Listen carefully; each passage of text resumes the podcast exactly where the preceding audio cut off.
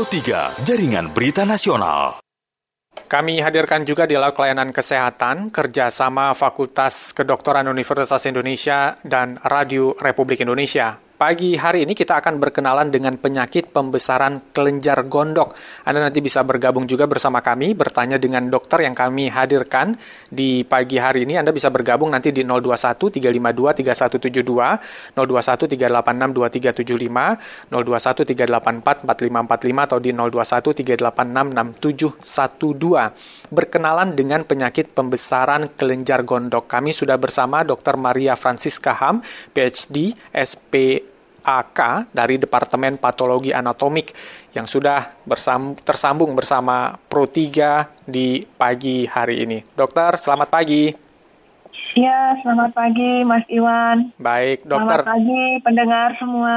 Baik, baik. Salam sehat, dokter.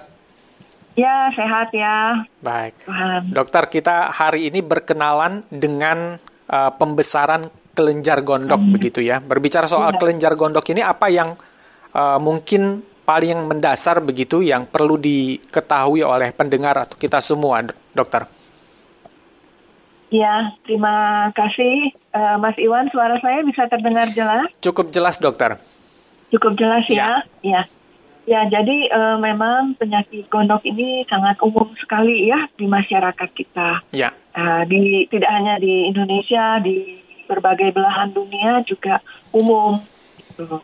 Ya, dan saya rasa kita juga sudah banyak mengenali penyakit ini sejak kita kecil ya. Ya, benar-benar. Nah, sedikit banyak gitu. Nah, uh, gondok itu sebenarnya apa? Kan? Itu sebenarnya semacam kelenjar. Mm-hmm. Kelenjar itu berarti dia menghasilkan sesuatu, menghasilkan hormon, ya. Dan uh, pertama lokasinya, lokasi kita sudah tahu ya adanya di leher. Di leher Jadi, ya. uh, di leher depan, uh, sehingga kalau ada pembesaran, biasanya kita akan melihat uh, apa lehernya itu seperti ada benjolan. Yeah. Nah, waktu mungkin untuk bapak ibu yang sudah usianya seperti saya atau yang sudah lebih senior pernah melihat dulu waktu kecil orang orang-orang yang benjolannya sampai besar yeah. sekali di leher, ya, terus berbenjol-benjol banyak. Tuh. Nah itu kelenjar gondok pembesaran. Namun memang uh, karena program pemerintah iodinisasi garam berjalan sudah cukup lama, kita sudah jarang menemui pasien-pasien yang pembesarannya sampai besar sekali. Okay. Biasanya uh, jarang kecuali yang dari gunung-gunung hmm, yang memang hmm. kesulitan asupan yodium. Ya. Nah, uh, kelenjar gondok ini kalau dia membesar, biasanya bisa kita ketahui bila pada saat diraba dia ikut membesar pada saat ikut bergerak pada saat menelan. Oke. Okay. Karena memang menempel uh, di depan tulang yang bergerak saat uh, kita menelan. Jadi ada pergerakan uh, saat menelan. Nah, dan uh, karena fungsinya adalah menghasilkan hormon, yeah. uh, bila ada kelainan, jadi pembesaran kelenjar gondok bisa saja hormonnya meningkat. Hmm atau bisa saja hormonnya uh, menurun, ya. Dan ya. biasanya gangguan hormonal ini sering uh, kita temui pada wanita wanita-wanita usia reproduksi, okay. ya usia 20 tahun, terutama pada kehamilan, gitu, ya.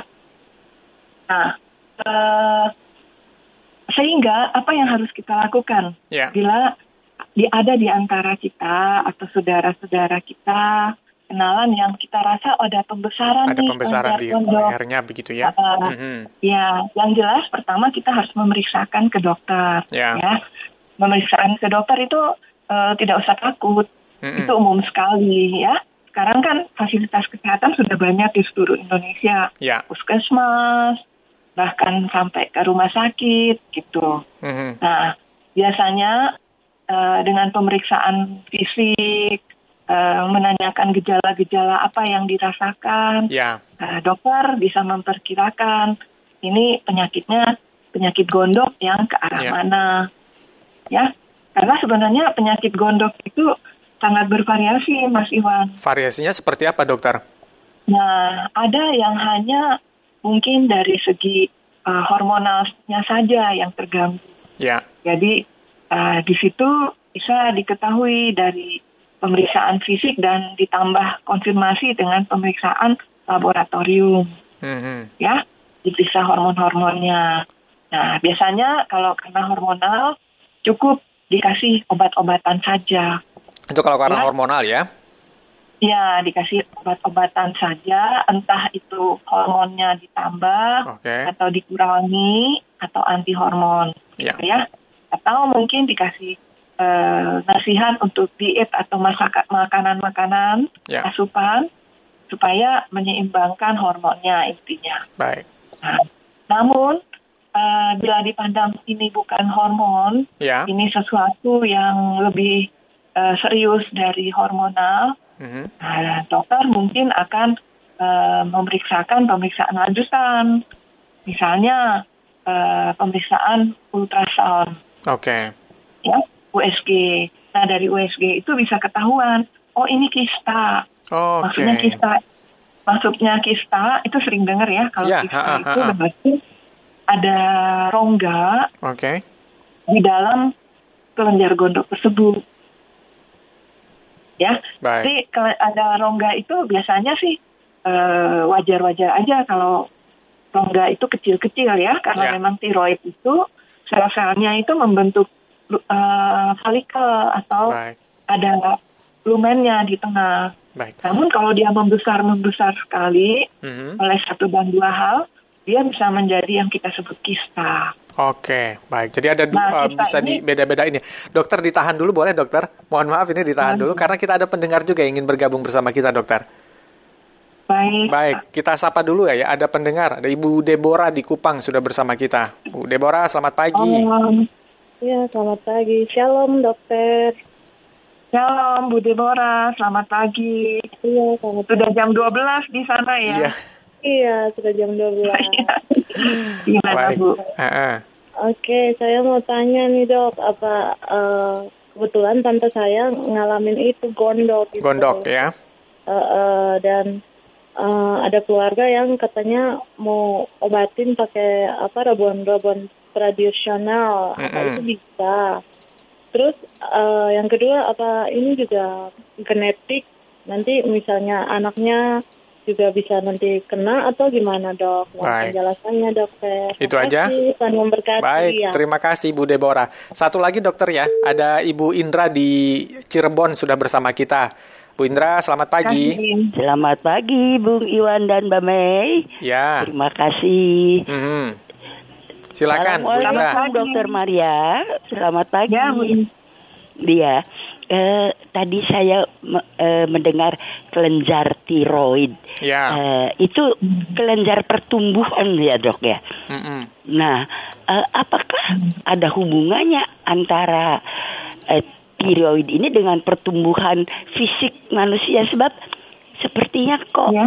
eh, eh, apa tinggi badan mereka yang terkena eh, apa eh, gondok, gondok yang membesar ya. itu eh, tubuhnya ya biasa-biasa saja. Lalu eh, pernah saya kalau nggak salah ingat bahwa itu karena kekurangan yodium. Benarkah okay. itu? Dan apakah bisa ya. diobati dengan yodium itu? Terima kasih. Baik, Terima kasih baik. Bung Iwan. Terima kasih Bu Indra. Assalamualaikum warahmatullahi Waalaikumsalam warahmatullahi wabarakatuh. Dokter jangan dijawab dulu, masih ada satu informasi yang akan kita dengarkan dulu ya, Dokter ya, dari meja ya, gatekeeper dari kilas berita. Uh, jangan diputus dulu, Dokter. Nanti kita akan jawab dua pertanyaan berikutnya. Ya. Kilas Berita. Pameran Filateli tingkat dunia siap digelar di Jakarta pada tanggal 4 hingga 9 Agustus 2022. Pameran tersebut nantinya akan diikuti oleh 61 negara yang hal tersebut pun dikonfirmasi oleh Ketua Umum Perkumpulan Filatelis Indonesia PFI Fadlizon saat berbincang bersama dengan Pro 3 pada hari ini di hari Rabu 3 Agustus 2022. Untuk informasi ini dan informasi lainnya pendengar dapat mengakses di laman resmi kami rri.co.id.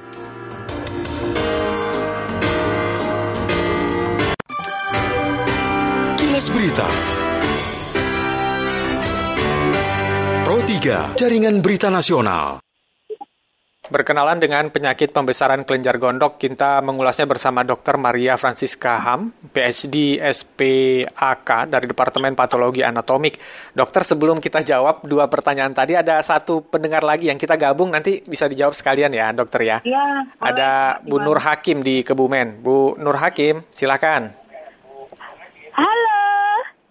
Ya. Selamat pagi menjelang siang. Pagi. Assalamualaikum warahmatullahi wabarakatuh. Bung Iwan yang terhormat. Baik. Dan juga Ibu narasumber Ibu Dokter Maria. Ya. Semoga dikasih rezeki tambah keselamatan, kesehatan, jasmani rohani serta rezeki yang barokah. Baik, baik. Iya. Silakan Begini, pertanyaannya, Bung Bu Iwan, Nur. Tadi masuk tapi kan terlambat. Ya. Iya. Uh, uh, tapi itu salah tadi bilangnya Bu Nur Doni. Bung Iwan uh, juga Ibu narasumber Ibu Dokter Maria. Iya. Di sini kami mau bertanya. Ya, silakan. Apakah benar kalau penyakit gondok itu awal-awalnya itu dari kebanyakan makan piksin atau micin istilahnya penyedap rasa. Oke. Itu yang pertama. Sekarang kan ada yang bumbu masako, uh, Ya. rasa sapi dan rasa sebagainya. Baik, baik. Ah, ah. Itu Yang kedua, dari Ibu. keluarga kami ya ada ternyata yang sering makan masakan yang sering dikasih micin ya istilah orang Ya. Jawa kebun micin itu memang benar sangat-sangat dominan. Itu Baik, baik. Wah, Baik, terima kasih. Gondok itu juga termasuk eh, eh, gejala semacam tumor dan sebagainya. Oke. Sekian terima kasih. Baik, untuk terima kasih, Bu Nur. 123 Jakarta. Baik. Sekali mengudara tetap mengudara, sekali merdeka tetap merdeka. Baik, terima kasih Ibu Nur Hakim dari luar biasa semangatnya. Ini yang buat kita sehat terus ya, dokter. Iya, biar kita juga sama semangat ya Pak. Iya baik. Silakan dokter. Ya, eh, terima kasih Mas Iwan. Pertama untuk ke Ibu Deborah ya, Iya. yang ada di Kupang. Eh, mengenai obat-obatan tradisional ya untuk saudaranya kakak ya atau Ya, mm-mm. Ya untuk yang tradisional. Saya percaya memang ada obat-obatan tradisional kita di seluruh Indonesia masing-masing daerah memiliki Betul. Mm-mm. kearifan lokal ya obat tradisional itu bisa itu. Namun tentu saja eh, kita perlu juga bukti-bukti ilmiah. Oke. Ya, jadi bukti-bukti ilmiah itu untuk obat apa yang digunakan itu harus dicek dulu, Bu. Oke. Kan banyak sekali jenisnya. Bisa saja, tapi harus dicek dulu. Mhm. Namun bila kita memang eh, tidak bisa mengeceknya secara ilmiah, Ya. lebih baik kita konsultasi ke dokter. Ke dokter ya. Ya, kan di Kupang ada RS sampai RSUD Yohanes, Dr. Yohanes ya juga Ya. ada. Kadang-kadang juga ngirim eh, konsultasi juga ada ke FKUI RSCM. Jadi jangan jangan ragu-ragu kalau memang eh, pembesaran itu eh, menjadi apa ya mengganggu mengganggu pikiran, mengganggu eh, aktivitas, diperiksakan aja ya. Jangan takut ya, untuk diperiksa ya. Ya, Baik, dokter. supaya mudah-mudahan lebih jelas. Oke. Baik. Ya. Yang eh, kedua, Bu Deborah juga sempat Ma- menanyakan bahwa ini eh, diturunkan atau tidak, begitu genetik atau tidak ya? Ya, sebenarnya eh, genetik ini untuk berbagai jenis penyakit itu sangat berkaitan erat. Kita udah tahu Oke. ya, kencing manis atau DM itu ada genetiknya. Kemudian apalagi tumor-tumor itu juga ada genetiknya, termasuk eh, tumor eh, kelenjar gondok, apa Ya. ada juga yang genetik. Tapi ada juga yang tidak yang tidak terkait genetik. Jadi tidak bisa dipukul rata. Oke. Baik, ada kaitannya pokoknya ya dengan genetik ada juga ya. kaitan. Tapi Mm-mm. sampai sejauh mana eh, masing-masing kasusnya beda-beda. Mm-mm. Baik, baik. Pertanyaan berikutnya, dokter, silakan. Ini apakah terkait Ya, dengan yodium Ibu tadi? Indra, Mm-mm. Ibu Indra dari Cirebon ya Bu, Ya. mengenai eh, berkaitan kalau kelenjar tiroid ini hormonnya berkaitan dengan pertumbuhan. Benar sekali Bu. Memang eh, zaman dahulu sebelum pemerintah akhirnya melakukan iodinisasi garam Ya, menjadi garam dari yodium ya rata-rata sekarang garam kita. betul. Itu kenapa? Karena di daerah-daerah endemis yang kekurangan yodium tertentu, ibu-ibu hamil yang kekurangan yodium itu akhirnya melahirkan anak-anak yang uh, disebut kretin ya, okay. pertumbuhannya terganggu. Terganggunya tidak hanya secara fisik, mental juga. Oke. Okay. Nah, jadi gangguan fisik dan gangguan mental ini sulit diperbaiki lagi, sehingga menjadi beban untuk keluarga dan masyarakat. Sehingga akhirnya memang dilakukan iodinisasi yodium. Uh, sulit kita menemukan saat ini di kota-kota gitu ya, yeah. yang kelainan uh, pertumbuhan oleh karena uh, kekurangan, kekurangan yodium. Mm-hmm. Ya, ya. Uh, tapi memang ada kaitannya dengan pertumbuhan, walaupun kelenjar untuk pertumbuhan itu sebenarnya penghasilnya ada di dalam kepala kita di otak. Oke. Okay. Tapi ada kaitannya juga dengan tiroid. Baik. Mungkin baik. itu untuk pertanyaannya. Ya uh, Bu Indra ya. Mm-hmm. Mudah-mudahan uh, cukup jelas begitu ya. Baik, baik. Ya. Tadi soal yodium juga ditanyakan apakah yodium itu jadi penyebab utamanya dan apakah yodium ini juga bisa menjadi uh, apa namanya ya zat yang bisa mengobati uh, kelenjar gondok yang membesar tadi, dokter? Uh, Mas Iwan, boleh diulangi ini suaranya tadi. Oke, okay. tadi pertanyaannya juga ada soal apakah uh, apa namanya satu-satunya karena kekurangan yodium dan apakah yodium ini oh. juga bisa mengobati ketika kelenjar gondok kita ini membesar begitu dokter pertanyaannya tadi oh, juga ya ya terima kasih uh, yodium memang salah satu ya. uh, penyebab kelenjar gondok tapi banyak juga penyebab-penyebab lain hmm, hmm. nah yang paling penting sebenarnya sih adalah ini uh, sesuatu yang mengancam uh, atau membahayakan apa tidak. Oke. Okay. Kalau tidak membahayakan sebenarnya kan ya nggak apa-apa sih, hmm, secara hmm, kosmetis hmm. aja kan. Yeah. Sebagian besar memang demikian. Tapi kalau kelainannya itu cukup uh, mengganggu, yeah. uh, itu bahkan bisa membahayakan karena kelebihan hormon tiroid itu juga bisa mengganggu jantung. Oke. Okay. Misalnya, ya bisa mengganggu jantung berdebar-debar. Yeah. Kemudian uh, badan menjadi merasa gemetar, yeah. pekerjaan juga tidak bisa optimal. Okay. Itu kalau dari sisi hormon tapi ada juga mengenai tumor juga. Nah, tadi itu sempat disinggung juga ya, mm ya oleh pendengar kita. Hakim tadi juga sempat menyinggung sekalian ya, iya, sekalian saya mm kaitkan. Jadi uh, pembesaran kelenjar gondok di awal tadi saya katakan kalau Bu Hakim sempat terlewat, penyebabnya banyak dari hormonal bisa juga sampai tumor. Oke. Okay. Ya. Nah, tumor dalam istilah kedokteran itu neoplasma. Neoplasma bisa dari jinak, jinak sampai ganas. Ganas ya. Dan kalau tumor yang di atau neoplasma di uh, go, kelenjar gondok sebagian besar ganas. Oke. Okay. Ya, tapi jangan khawatir dulu. Kalau udah dibilang begitu biasanya jadi aduh, ya. gimana gitu ya. Iya walaupun sebagian besar ganas, mm -hmm. uh, namun uh, sebagian besar itu kalau bisa diobati di awal, yeah. dia akan uh, sangat baik sekali uh, harapan hidupnya. Oke. Okay. Jadi uh, lima tahun kan kita biasanya kalau tumor itu survival rate lima tahun itu hampir di atas 95 persen kalau masih awal. Jadi lebih cepat terdeteksi, maka harapannya semakin Baik. besar begitu ya, dokter ya? Iya, ya walaupun kalau didiam-diamkan saja mungkin juga 10 tahun, 20 tahun juga nggak apa-apa didiam-diamkan. Tapi begitu dia sudah menyebar, dia sudah berubah menjadi sangat ganas, ya. itu uh, agak menjadi sulit untuk ya. ditangani dengan uh, sempurna. Baik, baik. Dokter terakhir ini dokter uh, singkat saja hmm. mungkin di penutup ini begitu ya apa yang memang perlu benar-benar kita waspadai jika saja uh, kita atau anggota hmm. keluarga kita mengalami pembesaran kelenjar gondok ini, dokter. Ya, uh, terima kasih. Yang mungkin kita waspadai terutama adalah uh, gejala ya. Ya. Gejala-gejalanya ya.